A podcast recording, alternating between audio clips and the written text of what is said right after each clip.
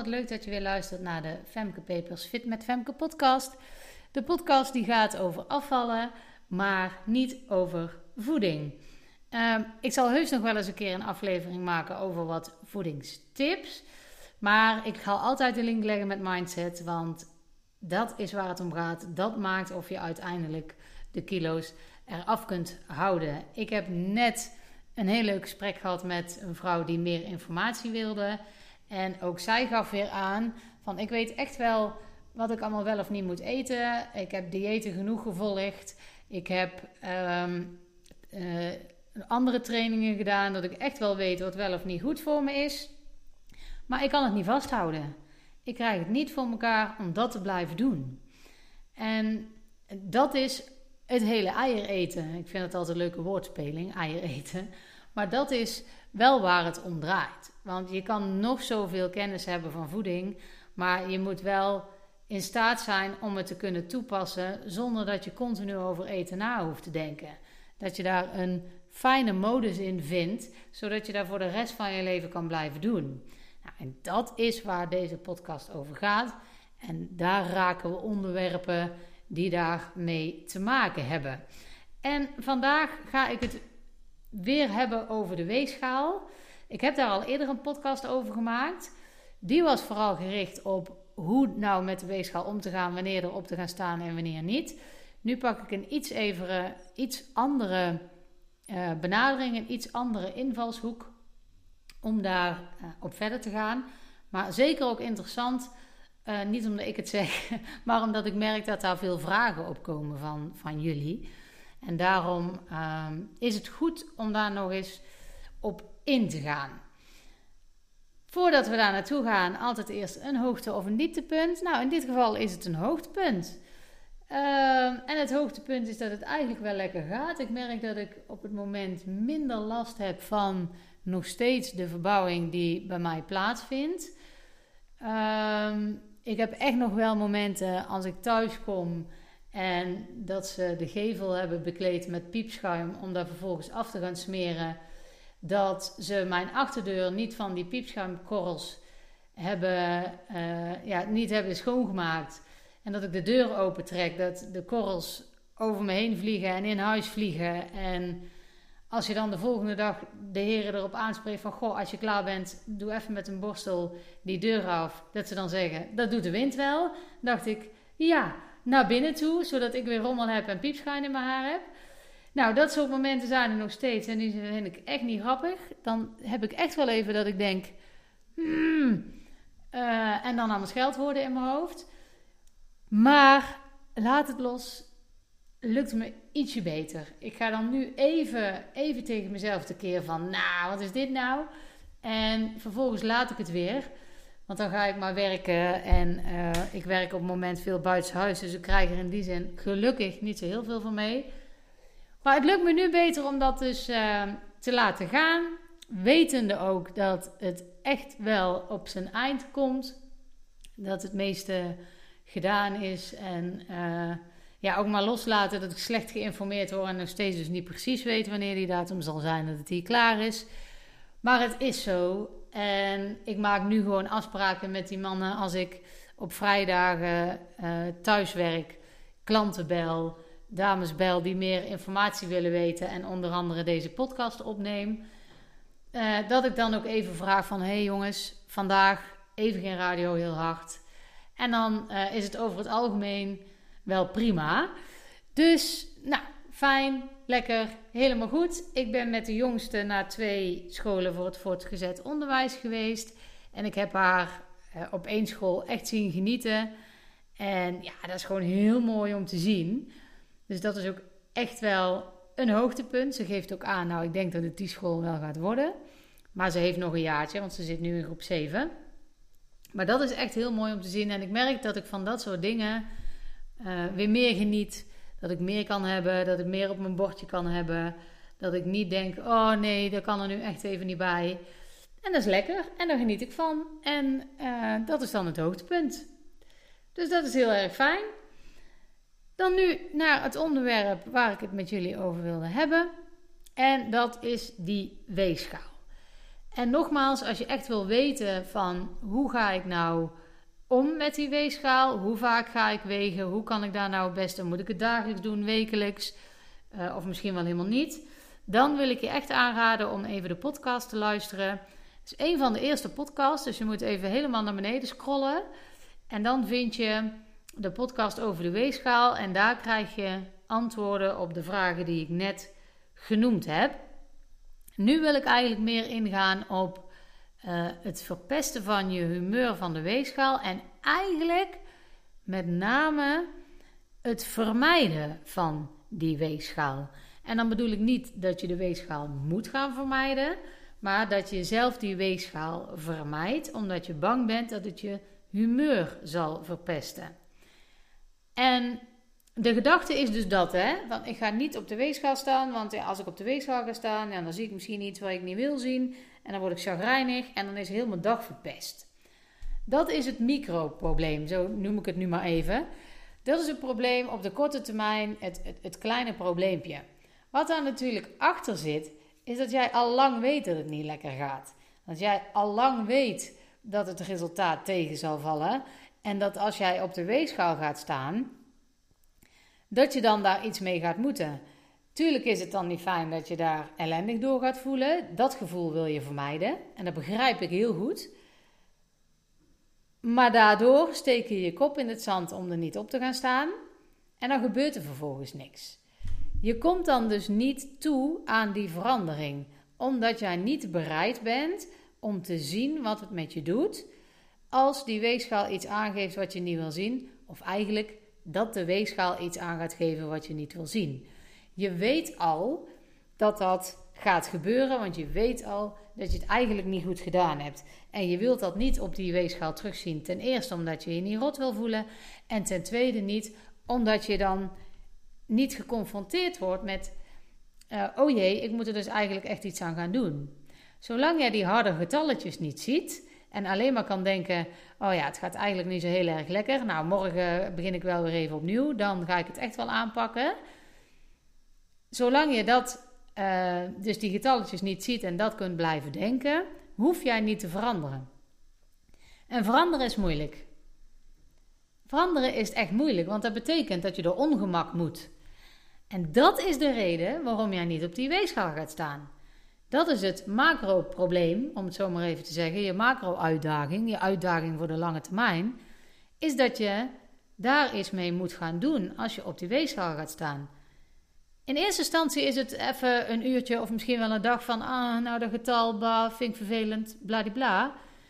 Maar de lange termijn, wat je, het macro-probleem op de lange termijn is dat je daardoor dus niets gaat doen. Het is echt struisvogelpolitiek. Je steekt je kop in het zand, je wil niet zien wat er op die weegschaal staat. En dat is niet zozeer een verwijt. Ik zeg niet, nou wat stom. Eigenlijk is het wel stom, maar dat is niet wat ik hier wil zeggen. Ik ga eerst wel even in op. Eigenlijk is het heel stom, maar dat is puur als we feitelijk kijken. Vervolgens ga ik in omdat ik wel snap hoe dat komt. Nou, eigenlijk is het heel stom. Want, en dat zal ik even uitleggen. Je voelt je nu al rot. Je voelt je nu al rot over je gewicht en over hoe dat je eruit ziet als je in de spiegel kijkt. En daarom ga je niet op de weegschaal staan, want je bent bang dat je dan een slecht gevoel gaat krijgen van de getalletjes die je ziet. Dus je voelt je al rot. Op het moment dat jij niet op de weegschaal gaat staan en dus niet geconfronteerd wordt en dus niet aangezet wordt tot verandering, blijf je je rot voelen. Je blijft voelen van, hebba, ik voel me niet lekker in mijn vel. Dus die weegschaal zet je maar even, even in een hoekje dat je er niet op hoeft te gaan staan. Je drukt het weg, maar vervolgens blijf je je wel rot voelen omdat er niks verandert. Dus het is heel stom als je niet op die weegschaal gaat staan, want dan gebeurt er niks. Dan blijf je je voor de rest van je leven rot voelen. Wanneer je wel op die weegschaal gaat staan, voel je je op dat moment even rot. Want je wordt bevestigd in dat je het niet goed gedaan hebt, iets wat je eigenlijk al weet. Maar vervolgens kun je wel tot verandering komen, omdat je noodzaak gaat voelen van, oeh, dat is wel echt een heel hoog getal. En dan ga je in de veranderingmodus, om het zo maar te zeggen. Dan moet je door ongemak heen, dat klopt. Je moet iets gaan veranderen, want als je niks verandert, dan blijft het zoals het is. Maar dat is tijdelijk ongemak. Tijdelijk ga je je rot voelen. Maar vrij snel, als je ermee bezig bent, zul je merken dat je resultaat gaat krijgen. En ga je je al beter voelen. Moet je nog steeds door dat ongemak van die verandering heen. Want dat is natuurlijk niet binnen twee weken opgelost. Maar je zult wel al merken dat het al resultaat gaat krijgen. Dus je gaat je al wat beter voelen.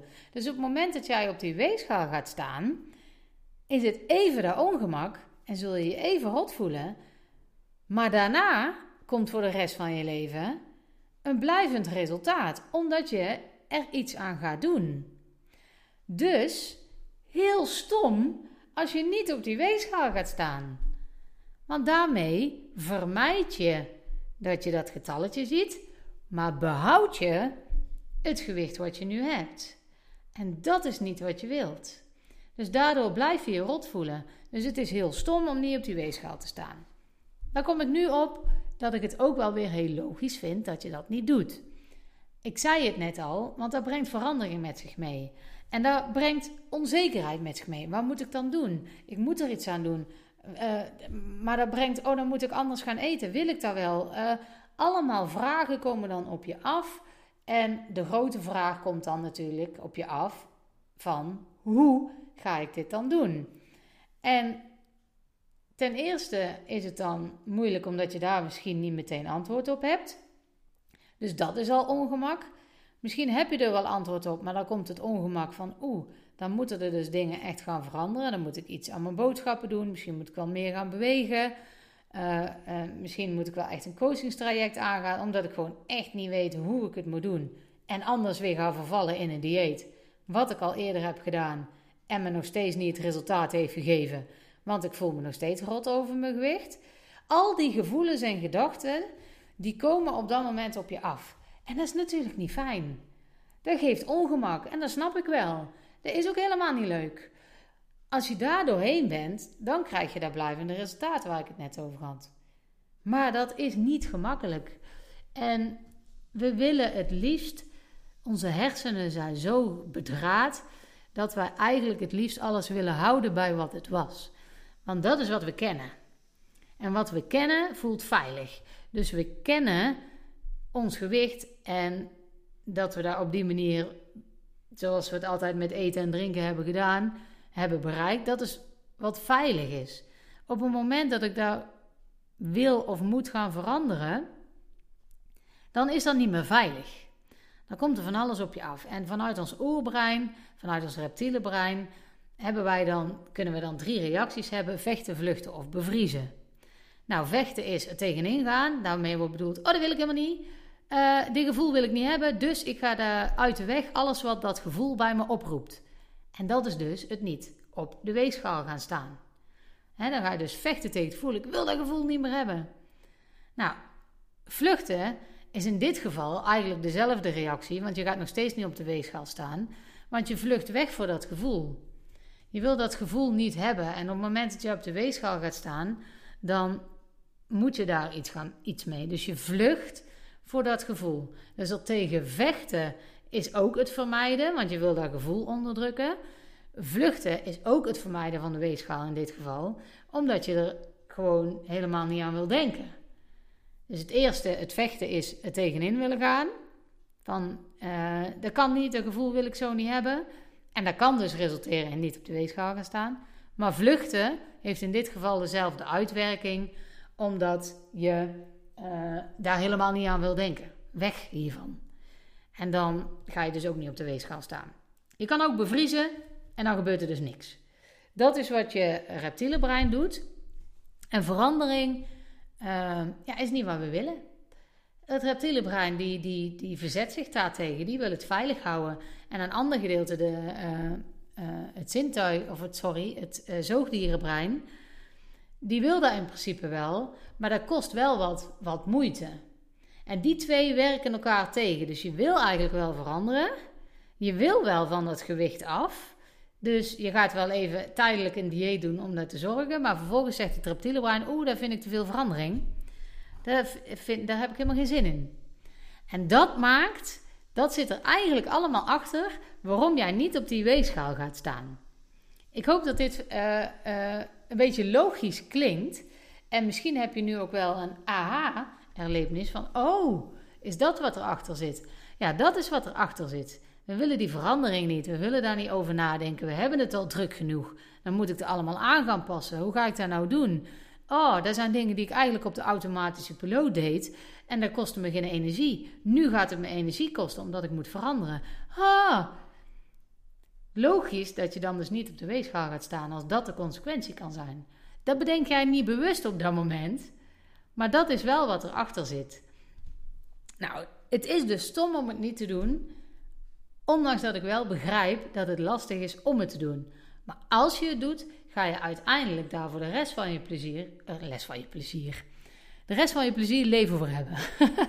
de rest van je leven plezier van hebben. Maar dan moet je wel eerst door ongemak heen. Ik kan het niet mooier maken. Het is gewoon niet makkelijk om af te vallen. Daar is het gewoon niet. Het is in theorie heel simpel. Je moet gewoon minder eten dan je verbruikt. Maar mentaal zit daar echt wel wat laagjes, zitten daar echt wel wat laagjes onder. En het is echt wel fijn als iemand je daar bewust van maakt. En ik hoop dat ik dat met deze podcast ook al met je gedaan heb. Dus ik heb het nu niet zozeer gehad over hoe je met de weegschaal om moet gaan. Dat is in die aflevering aan, aan de orde gekomen die ik als een van de eerste in deze podcastreeks heb gemaakt. Nu gaat het dus vooral over wat maakt dat jij daar niet op gaat staan.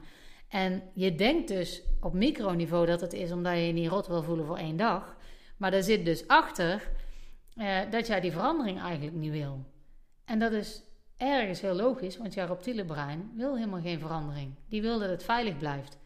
Maar voor de lange termijn moet je daar even doorheen.